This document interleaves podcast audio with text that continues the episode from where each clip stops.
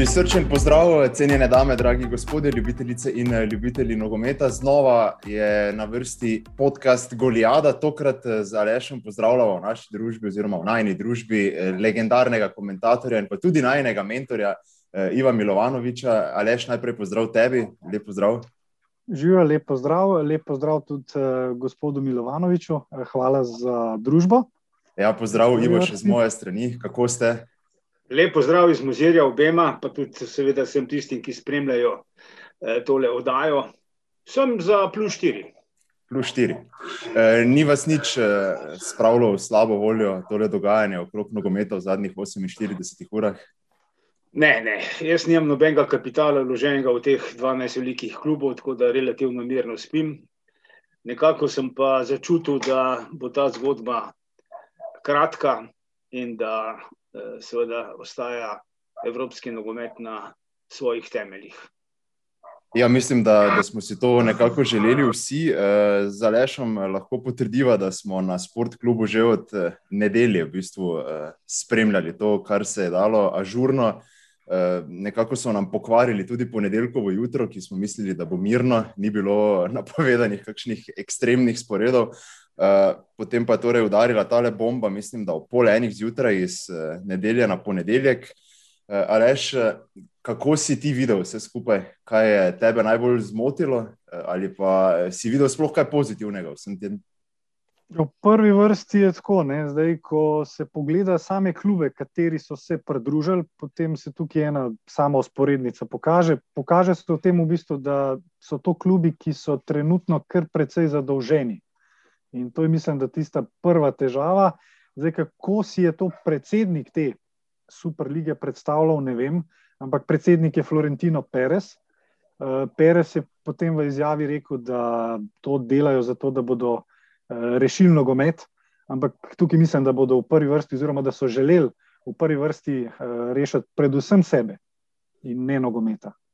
Ja, jaz jaz se kar strinjam s tem. No, mene je zelo uh, nasmejal, bom kar rekel, eh, Glazer od eh, Uniteda, ki se v 16 letih, eh, mislim, da ni več kot enkrat oglasil za medije, zdaj pa je gospod, ki mislim, da spoh ne zna razložiti pravila offside, da, je, da bo rešil nogomet. Ivo, kako pa vi spremljate ta kapital v nogometu? Vi ste upeti v Ligo prvakov, pa tudi v tista prejšnja tekmovanja, že mislim, da lahko iskreno rečem 40 let. Eh, se je veliko spremenilo od tistih začetkov, ali je že takrat eh, ob slavi bil glavni denar? Ja, seveda, časi se spremenjajo, vendar to, kar se jaz spomnim za nazaj, seveda, je denar bil pomemben, vendar ne odločujoč faktor delovanja klubov. Pravzaprav so se skupaj začeli spremenjati s tem, ko so začeli skladi ali pa bogati posamezniki kupovati klube v Evropi in seveda na ta način so želeli eh, svoj kapital še oplemenititi. Drugo vprašanje pa je, eh, ali so imeli ta eh, nogomet, kakršnega so kupili radi. Jaz mislim, da ne, da so v glavnem razmišljali o kapitalu. Eh, vedeti pa moramo, da so klubi bili praktično vse čas eh, zadolženi, vendar na nekih eh, mejah. Ob enem mojem obisku pri Madridskem Realu je bil takrat direktor kluba Valdano, ki mi je rekel, da ima klub tam nekje okrog 250 milijonov dolga, da pa to sploh ni velik problem, kajti eh, če bi jih nekdo prisilil, da morajo ta denar vrniti, potem bi šli do predsednika, ta bi napisal ček in zadeva bi bila rešena. Gre seveda za bogate posameznike, ki so v narekovajih požrešni, svoj kapital želijo plemenititi tudi skozi nogomet in seveda potem poskušajo sprejemati tudi take neumne odločitve, kot je bila ta o ustanovitvi te super lige. Res pa je, da so klubi v tem času bistveno, bistveno bolj zadolženi, kot so bili v preteklosti. In to je najbrž poteza iz, iz nekega, bi rekel, brezizhodnega stanja, ko ne vedo, kako bi na nek način poravnali te visoke dolgove, ki so si jih nakopali, predvsem v zadnjih, recimo, petih, desetih letih, ko so denar razmetavali in ko so bili prepričani, kar je pa največja napaka, da lahko z denarjem pridejo tudi do uh, lovorik. Tu mislim predvsem na evropske lovorike. Uh, mislim, da moramo omeniti delo UEFA. Ne? Uh, nekateri sicer UEFA očitajo, da že več let tudi sama ustvarja na nek način uh, svojo superligo. Jaz se sicer s tem v celoti ne strinjam. Je pa kako vidva menita, morda UEFA zaspala v zadnjih 20 letih, da bi na nek način skušala preprečiti ta, te nore porabe denarja, ki jih je tudi Ivo omenil? Um, bom mogoče jaz ta prvi rekel. No, ja, UEFA je že tako ali pa tako tem velikim klubom ne, uh, dala precej proste roke, oziroma se jim je precej prilagodila, in posledično je nastalo to, kar je. Uh, se pravi, um, neka, neka neko videnje, da imajo brezpogojno moč, da lahko naredijo, kar želijo, pa da ne bo nobenih posledic. Zdaj, jaz sem res pač zelo vesel, da so se Angliji temu odpovedali, ampak je pa pač dejstvo tako, da čisto eno, mogoče retorično vprašanje, zakaj recimo kot Liga prvakov res ni samo Liga prvakov. Se pravi, dejansko, da bi bil nek sistem, ko, bo, ko bi igrali v tem tekmovanju prvaki. To govorim tudi recimo, o slovenskem prvaku v končni fazi. Je to, to lahko, ja, po moje, Ivo, da da še kar nekaj, ne? ker je spremljal ja, tudi ja. tekmovanje, ko je bilo v takem formatu. Ja, jaz se ne bi strinjal z uh, razmišljanjem Aleša. Namreč, uh, če bolj podrobno pogledamo delovanje UEFA v zadnjih 15 letih, uh, potem bomo videli, da se je večkrat UEFA soočala z uh, najrazličnejšimi predlogi o najrazličnejših eh, elitnih eh, tekmovanjih. Saj veste, koliko krat eh, se je govorilo tudi o tej superligi, pa potem ni nestalo nič. To je ena zadeva. Druga zadeva, ki je, eh, UEFA ni spala. Če pogledate eh, formate tekmovanj, so se ti zelo, zelo spreminjali in eh, na nek način so omogočili tudi klubom iz manjših držav, da so prišli skozi kvalifikacije do recimo skupinskega dela. Tak primer je tudi naš Maribor. Sveda, vsi dobro vemo, kaj je to pomenilo takrat za Maribor, koliko denarja je Maribor dobil in posledično koliko denarja je dobil slovenski nogomet, vključno z mladinskimi kategorijami. Ja, lahko je legitimno vprašanje, eh, zakaj samo prvaki oziroma ali bi bilo to v redu, da so samo prvaki. Veste, tu pa je ta kompromis UEFA, da je omogočila tudi drugim močnim klubom iz močnih držav, nogometnih, da so lahko nastopili v pokalu državnih prvakov, oziroma kasneje v Ligi prvakov. Zakaj je pravzaprav do tega prišlo? Prišlo je preprosto zaradi tega, ker je eh, nagrajevanje v Ligi prvakov bistveno bolj bogato, kot pa recimo v prejšnjih pokalih ali pokalu, pokalnih zmagovalcev ali pokalu UEFA in pa zdaj v Evropskem pokalu. Skratka, uh, UEFA je ponujala dober zaslužek tudi tem velikim, bogatim klubom, kajti ne samo, da jim je dajala denar, je tudi zaradi njih dobivala denar. Namreč eh, ni vse eno, ali v nekem pokalu igra četrto vrščeni predstavnik eh, Anglije, jaz sem smislil Liverpool, ali pa to igra vem, eh, samo prvak Malte.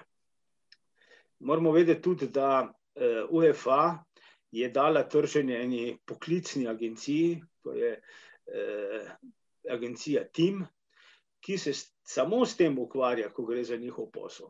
In ta tim je razvil ta produkt evropskega nogometa do te ravni, ko ga imamo danes, ko bom rekel, pravzaprav vsak mal boljši klub v posameznih državah dobi nekaj, tisti najboljši dobijo pa kar precej. Jaz vidim, jaz vidim uh, vlogo UEFA kot uh, nekega, bi rekel, usmerjevalca uh, politike razvoja nogometa na eni strani in na drugi strani tistega, ki to tudi financira. Ne smemo pozabiti, razlika med eh, UEFA in ostalimi organizacijami, tu mislim predvsem na te ameriške, je v tem, da ne gre za super dobiček, ki ga nekdo od posameznikov da v žep, ampak ta denar razdelijo med 55 članic Evropske nogometne zveze. Ste, ste verjeli napovedim eh, Florentina Pereza, da, da bo tudi tukaj šlo nekaj denarja za solidarnostni sklad za, za preostale člane, ki ne bi bili zmagovalci? Meni se je to zdelo kar nekako iztrte izvito, da, da, da, da ne govori povsem tako, kot je eno. Ne vem, če lahko zaupamo zaprtemu tekmovanju, čeprav so potem spremenili iz ponedeljka na torek, da bo pet mest preko kvalifikacij. Meni že vse to nakazuje, da, da tudi sami niso imeli popolnega plana, pa da niso niti pričakovali, da se bodo navijači tako uprli. Veste, vsi bogataši, da si rešijo kritik, dajo eno malo drobtinico v, recimo, temu humanitarne zadeve. In potem, ko da, da si bom zmislil 10 tisoč evrov eh, neki humanitarni organizaciji, je pokrit za vse izjave. Jaz sodelujem humanitarno in tako naprej in tako naprej.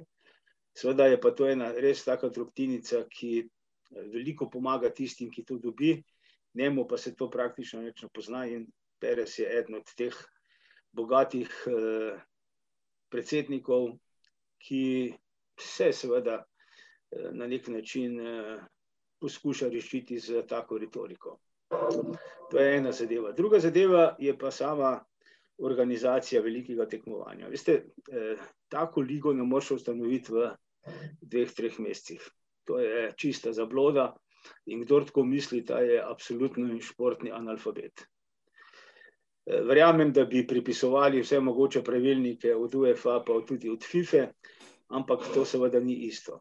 In uh, njih je, po moje, iz obupa teh velikih dolgov pripeljalo v situacijo, ko so morali tako le panično organizirati, in seveda vsi vemo, kako se je začelo s tem koncem te superlige. In mislim, da se bo to kmalo tudi dokončno tudi vse razrešilo in da bodo rekli, ok, malo smo se zaleteli, nismo vedeli, kako gre. Seveda, drugo vprašanje pa je, kako bodo popravljali eh, medčloveške odnose, tu mislim predvsem na relacijo Čeferin-Anjeli.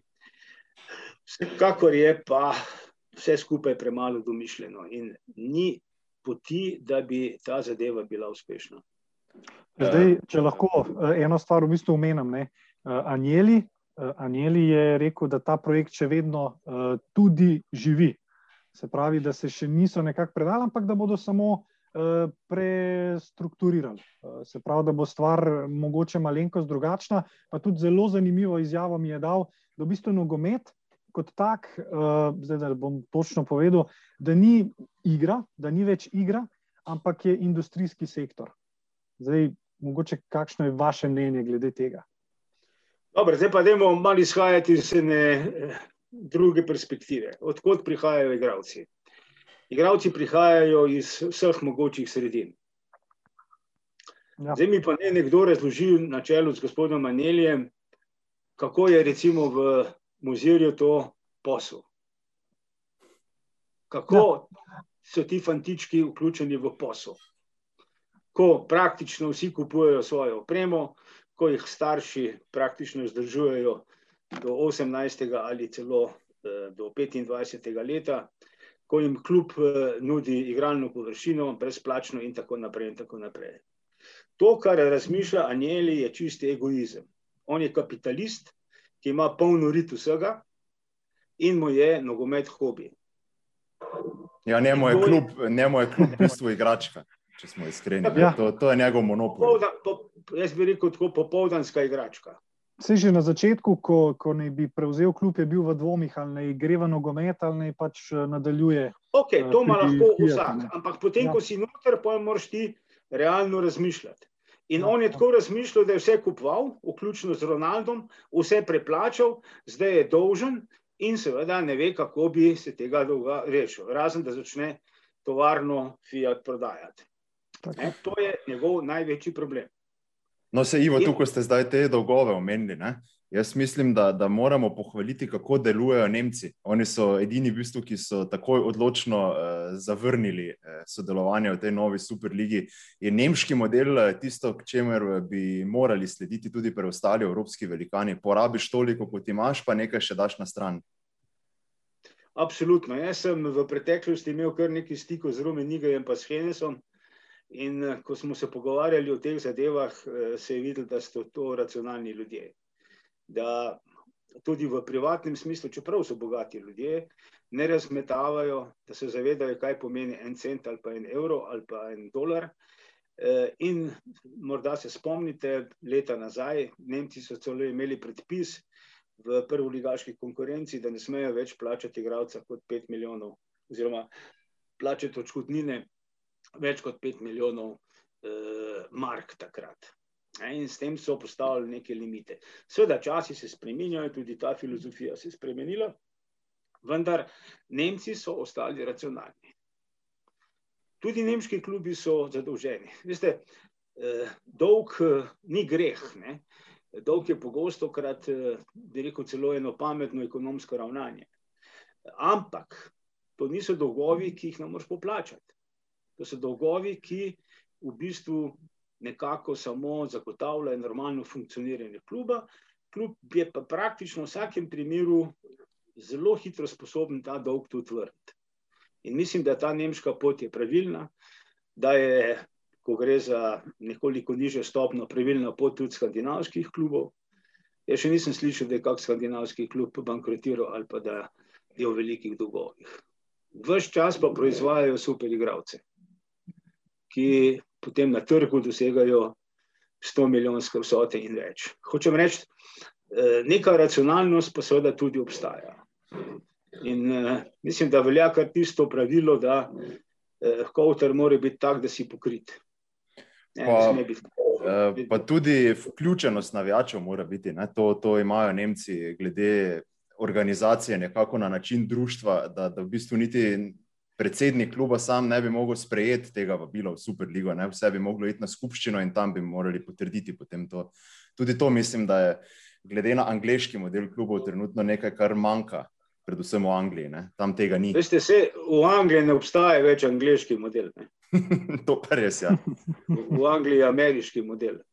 In njihova miselnost, eh, enih, ki nimajo pojma, pa enih, ki se razumejo, na to pa želijo ta ameriški model prenesti v evropski nogomet. Seveda to ne gre. Ena od pomembnih zadev je ta tradicija navijačev.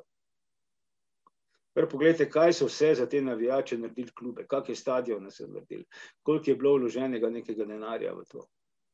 Ker se zavedajo, da brez navijačev preprosto ne gre. Druga stvar je pa organiziranost posameznih klubov, kjer seveda eh, realno, hočeš, nočeš, moš priznati faktor gledalci. In jih na nek način vključuješ, tako ali drugače, pri soodločanju, kaj ti, ko si res v krizi, ti lahko pomagajo samo navijači. Tle ni nobenih bančnih skupin, tle ni nobenih bogatih posameznikov, ki bi to rešvali. Ker ti slednji skrbijo izključno za svoj žep. To je bilo zdaj super povedano. No? Ja, zelo, ni, ni, ni kaj za dodati. Jaz bi zdaj samo še eno stvar dodal. Ne? Pozabili smo na predsednika UEFA, Aleksandra Čeferina, ki je takoj zauzel svoje stališče, zares na obeh govorih, ki jih je imel, jasno povedal, da UEFA ne bo niti približno popuščala. In meni se zdi, da dobro, super je ravnal za nogomet, ampak tudi spet odlična reklama za Slovenijo. Ne? Dejansko Slovenijo omenjajo praktično vsi mediji v zadnjih dneh zaradi Čeferina. Kakšno je vajno mnenje o tem? Poglejte, Aleksandr Čeferin je eh, izobražen, hkrati tudi dovolj star, eh, da zna trezno presojati eh, pravzaprav razmere v življenju, ne samo v nogometu. Tudi, ko je bil advokat, je, bom rekel, kar eh, za odliko upravljal svoj, svoj posel. Ko je prišel pred eh, volitvami s svojimi programi, je tudi zapisal, kaj bo v svojem obdobju počel. In to počasi tudi uresničuje. In med drugim imamo v programu tudi to, da okrepijo in, in predvsem, da bodo razmišljali o okrepitvah evropskih pokalov. In iz tega pride normalna zaveza, da braniš na nek način svoje stališča. Seveda pa je veliko vprašanje, kako to delaš. On je z eno eh, svojo karizmo, z enim odločnim nastopom eh, dal vsem vedeti, da od svojega programa ne bo odstopil. Veste, on ni odvisnik od UEFA. On je sicer dobro plačen uradnik UEFA, ampak ni odvisnik. In to je zelo, zelo pomembna zadeva. On ima še vedno doma advokaturo, s katero se lahko preživlja, ne samo sebe, temveč tudi svojo, svojo družino. In rekel, eh, ta njegova neodvisnost mu daje tudi eno veliko samozavest. In vi ste videli, kako je v teh govorih samozavestno podajal stališče UEFA. Veste, jaz kar dolg časa poznam Čeferina, on je tako neumen človek, da se ne posvetuje. On ima okrog sebe eh, ljudi, ki so seveda na najvišji strokovni ravni, hkrati ljubitelji nogometa in hkrati imajo iste ideje za evropski nogomet. To je zelo pomembno. Pa ne glede, ali si ekonomist, ali si pravnik, ali si varnostnik, ali karkoli si. Oni imajo skrok sebe tudi ljudi, ki so igrali na vrhunski ravni. Tu mislim zdaj na Bobana, ki je prišel v njegov rad, in tu mislim tudi na Figa, recimo, ki je prišel v, v njegovo ekipo, ko je Čeferin postavljal. Skratka, okrog njega so ljudje, ki imajo neko karizmo, ki imajo svoje stališča, ki so materialno neodvisni in ki jim je v interesu Evrop, razvoja evropskega nogometa. In vse to daje eno samozavest. Jaz sem bil trdno pripričan, da bo Čeferin nastopil odločno, kajti to je tudi del njegovega karakterja, in da bo jasno in glasno povedal, kaj misli UEFA v tej zadevi. On sam, njega nikdar niste slišali, da on to misli, ampak vedno misli UEFA. To je ena velika značilnost eh, dobrega predsednika in mislim, da je zelo, zelo pomagal k temu. Čeprav jaz sem trdno pripričan, da se bitka ne bi razvijala med temi 12 klubi in UEFA, ampak bi se razvijala med temi 12 klubi in pa med nacionalnimi zvezami. Kot vemo, pa vse nacionalne zveze podpirajo stališča UEFA. In glavni boj bi bil Premier Liga proti tem šestim ali pa serija A proti tema dvema in tako naprej tudi, uh, čist, če lahko dodam, ne recimo Perez, ko, ko je bilo govora o tem, da lahko UEFA oziroma skupaj s FIFO, ker tudi FIFA se je tukaj umešala zraven, da bodo prepovedali vsem nogometašem, ki bodo sodelovali v tej Evropski uh, superligi, prepoved nastopa za reprezentanca. Za reprezentanco je Perez v bistvu zelo nonšalantno rekel. Da bodo pač enostavno naredili svoje svetovno prvenstvo, ampak to se meni zdi eh, ena taka poteza iz uh, obupano. Uh, Mislim, Perez, mislim, da je tukaj res malo precenil svoje sposobnosti pa vpliv. Ja, to je tisto, malo kar je Ivo prej rekel. To so ljudje, ki se ne, ne razumejo ja. na športno. Mal, malo za šalo, seveda lahko Perez naredi svoje svetovno prvenstvo, ampak v malem nogometu. Takrat bi lahko sestavil nekaj reprezentance iz igralcev, ki igrajo v teh klubih. Ne. Realnost je pa druga. Ne. Infantino kot predsednik FIFA je takoj podprl stališče UEFA. In uh, seveda bi povzročilo to, da bi šlo za prepoved, uh, tu moramo biti zelo natančni, prepoved igranja igralcev iz teh klubov na ja. uradnih tekmah UEFA oziroma FIFA. Kar pomeni, da na prijateljskih tekmah bi Ronaldo lahko igral teoretično za Portugalsko, medtem ko v kvalifikacijah ali pa na Evropskem prvenstvu ali pa na svetovnem prvenstvu ali pa kvalifikacijah za svetovno prvenstvo pa ne bi smel. Ne. Se pravi, da eh, to, bile, to, to bi povzročilo seveda kupenih, bi rekel, eh, zelo zahtevnih pravnih postopkov. Kaj predstavljate se, recimo, da nekdo Ronaldo prepove igrati za portugalsko reprezentanco kaj bi Ronaldo doživel na samem eh, domačem igrišču. Drugo vprašanje je, kako bi on reagiral. Ali bi prekinil pogodbo, ali bi zamenil klub, ali bi rekel, ok, pač ne bom igral, pa je stvar rešena pri svojih letih. Ampak tu je cela vrsta mladih igralcev, ki še le čakajo na afirmacijo na evropskem eh, nogometnem tržišču. Skratka, to bi povzročilo kup enih težav. Eh, sem pa trdno pripričan, da bi pa UEFA ustrajala pri tem. Smo pa videli v košarkarskem svetu, kaj se je zgodilo. Ne? Tam so šli v nek ta ameriški model z Euroligo in eh, kako eh, so predvsem kvalifikacije za največja prvenstva brez teh glavnih igralcev padla na nek nivo, ki pač ne predstavlja košarke na najvišjem nivoju. Ne. Jaz mislim vseeno, da ima nogomet toliko navijačev od zadaj, da, da se to enostavno ne more zgoditi. No. Ljudje tega ne bodo dopustili. Ko je Ivo omenil, da Ronaldo ne bi zaigral za Portugalsko, tam so ljudje odvisni od nogometa. Ronaldo je njihov nacionalni heroj, mislim, da bi zrušili zvezo in vse. Ja, veste, eh, nekdo je nekoč rekel, da ne, obstajajo športi in nogomet. In seveda, deloma to, deloma to drži. Namreč, veste, to, kar se je zgodilo z Košarkarsko Evropsko ligo, eh, ni nič pretreslo športni svet. Zadeva je pač taka, kot je. Eh, vsi so se nekako eh, sprijaznili s to usodo. Eh, v nogometu je pa zgodba malce drugačna. Tu gre za množice, množice, množice ljudi. Mi, ki smo imeli srečo, da smo hodili po svetu, smo te navijače pravzaprav videli in se z njimi tudi kdaj pa kdaj pogovarjali. E, to je njihovo realno drugo življenje.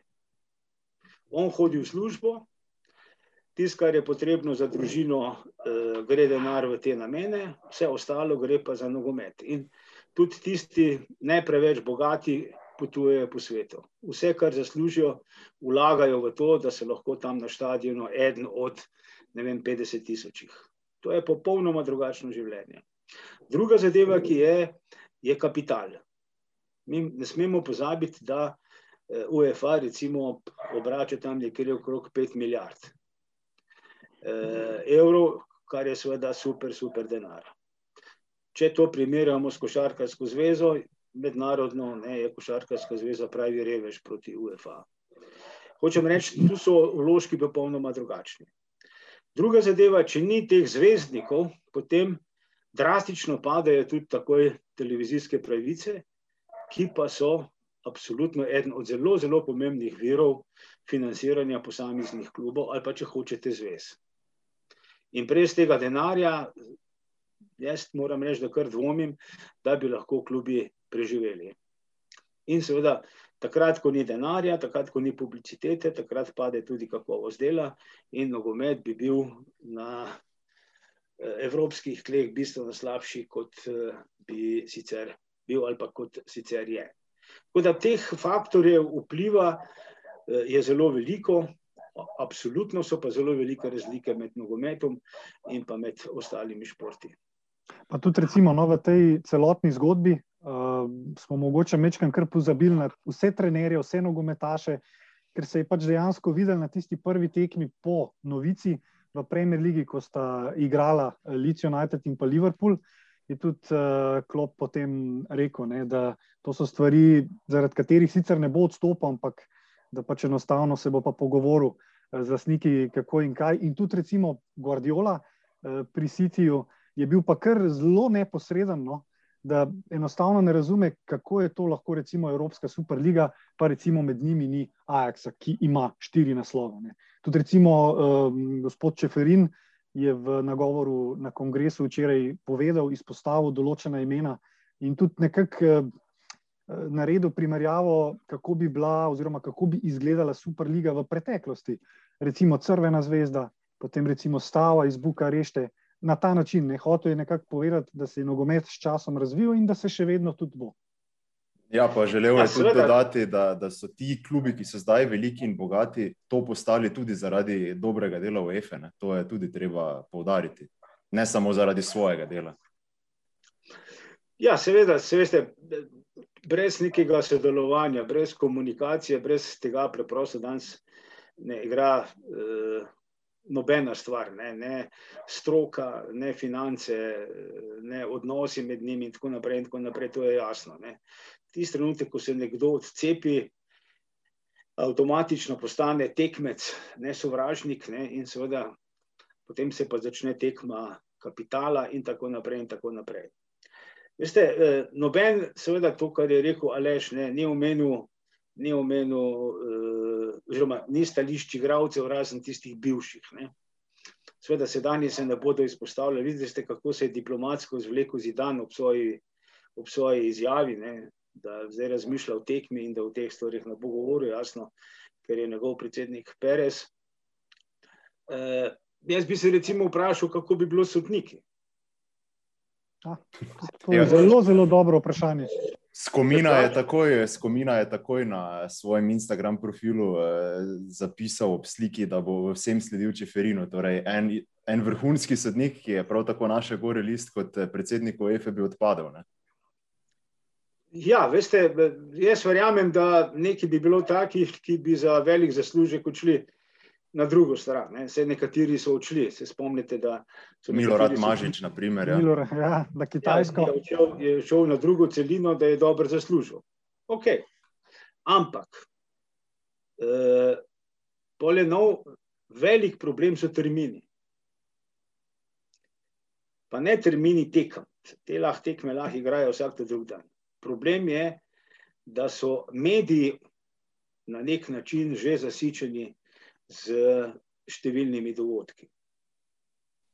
Danes lahko na vseh kanalih, tudi na sport klubu, gledaš deset tekem na dan. E, druga zadeva, a so te televizijske postaje pripravljene plačati nekaj, kar je recimo v nasprotju stališči UEFA. To je zdaj eno tako moralno vprašanje. Druga stvar je, te televizijske pravice zagotovo ne bi šle na javne kanale ali pa na kanale, ki jih ta trenutek eh, bolj poznamo, to bi bile plačljive zadeve. Ne, pa si vi predstavljate, ali bi jezen navijač Arsenala kupil televizijski program, ker igra Arsenal. On iz inata ne bi kupil, ker se ne strinja s tako politiko kluba. In tako naprej, in tako naprej. Skratka, vse te finančne okvire, ki jih so jih predstavili, so zelo, zelo na steklenih nogah. In jaz ne verjamem, da so uresničljivi, še posebej ne v tako kratkem času, da bi lahko tako tekmovanje normalno izpeljalo. Jaz te pričakujem eh, eno zelo zanimivo obrazvite iz Italije, pa seveda tudi iz Španije. Veste, eh, boljši poznavalci nogometa v Španiji nam eh, znajo povedati, da Real iz Madrida in Barcelona sploh nista priljubljena kluba med ostalimi podvodnikaši. Zakaj ne? Zato, ker 70% televizijskih pravic poberejo Real Madrid, Barcelona, Sevilja, Valencija, pa mogoče še kdo, pet klubov. Vsi ostali, vsi ostali pa eh, dobijo drobtinice. No, se jih mogoče. Ja. Skratka, problem je v tem, da doma ne bojo dobili podpore. In jaz ne, ne verjamem, in to me na nek način, seveda, skozi malo šraufa, ne, kako bodo rešili eh, status Barcelone in Reala v prvenstvu. Španska zveza ne bo za to, ona dva bosta na prvem in drugem mestu, koga bo prijavila Španska zveza za evropske pokale.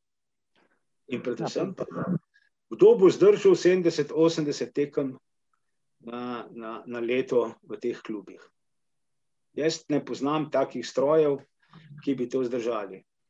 In se mi zdi, da so iz mnogih razlogov eh, ti predlogi teh klubov zelo, zelo ranljivi pa tudi mogoče čisto eno eh, vprašanje, spet retorično. Ne? Kdo bi si želel gledati na vsake dva tedna dvoboj med Realom in Barcelono? To bi bila absolutno prevelika nasičenost. In izpadel, izpadel bi nekaj, kar se je recimo zgodil uh, v Zagrebu, ko je recimo Tottenham imel prednost prve tekme in je Dinamo naredil preobrat, to so stvari, ki se jih ne da kupiti. No. To, to je dejansko neka stvar, ki jo mogoče američani niti ne razumejo, mislim, ne razumejo, da so stvari, se pravi, preteklost, tradicija, to so stvari, ki se jih ne da kupiti, ne da se kupiti navijačem. Tudi recimo Liverpoolovi navijači so zelo, zelo eh, lepo izrazili svoje stališče, ko so zapisali, ko so sporočili, prodali ste dušo. In to mislim, da je celotna poanta. Nogomet ni samo denar, denar, denar, uh, ampak je neka, neka igra, v kateri je smisel v tem, da ti napreduješ, nazaduješ, uh, so presenečene, ni presenečen in tako naprej. Tako da ta čar bi se izgubil. Ja, senzacija ja, mora to. biti. Pa ne samo to, marsikaj se bi izgubil. Dajte mi povedati, kaj se zgodi z ekipo v ameriški košarkarski profesionalni ligi, ki se ne uvrsti v zaključek. Nič. Ja. Zasluži velike vsote denarja, za nagrado pa dobi še možnost, da kot prva ali pa med prvimi štirimi izbira na naboru. Ne. Tam so v bistvu to samo igre.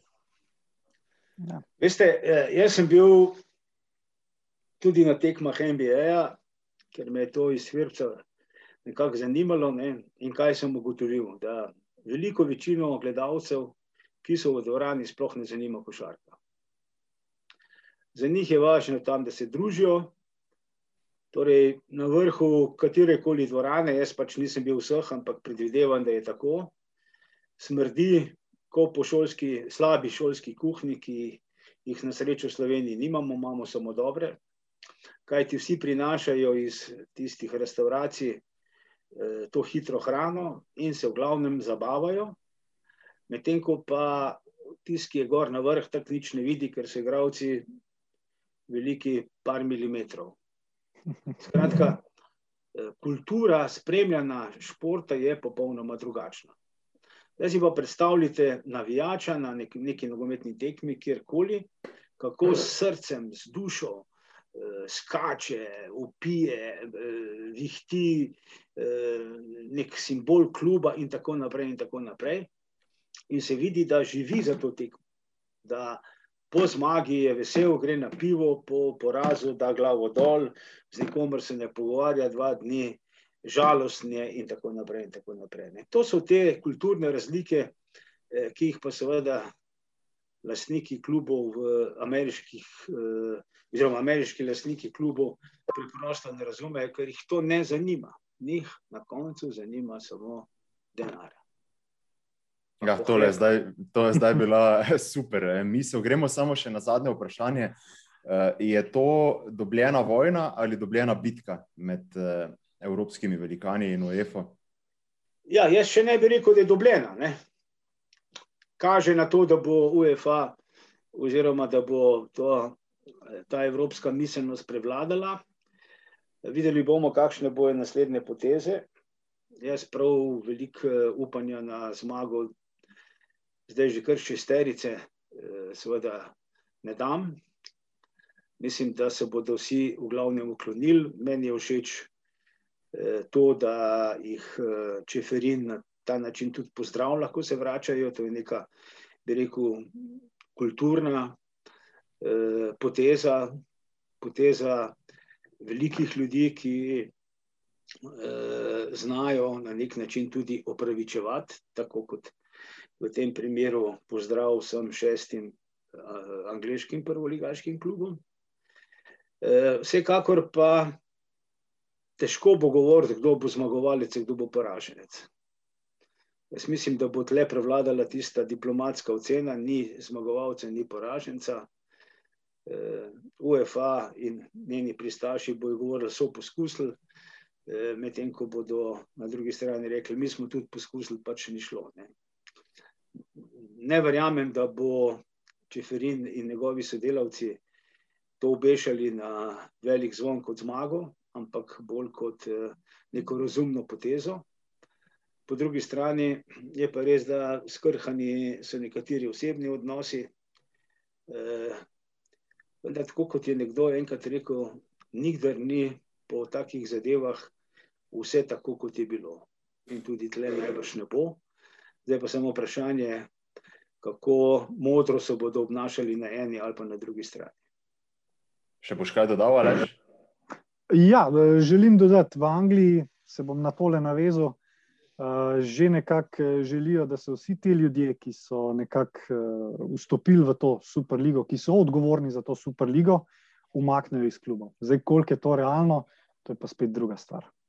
Ja, prva žrtev je že znana. Ne? Ed Woodward bo s koncem tega leta zapustil United, ampak to naj bi bilo tako ali tako že načrtovano. No? Tako da eh, nekateri trdijo, da ni povezano s tem.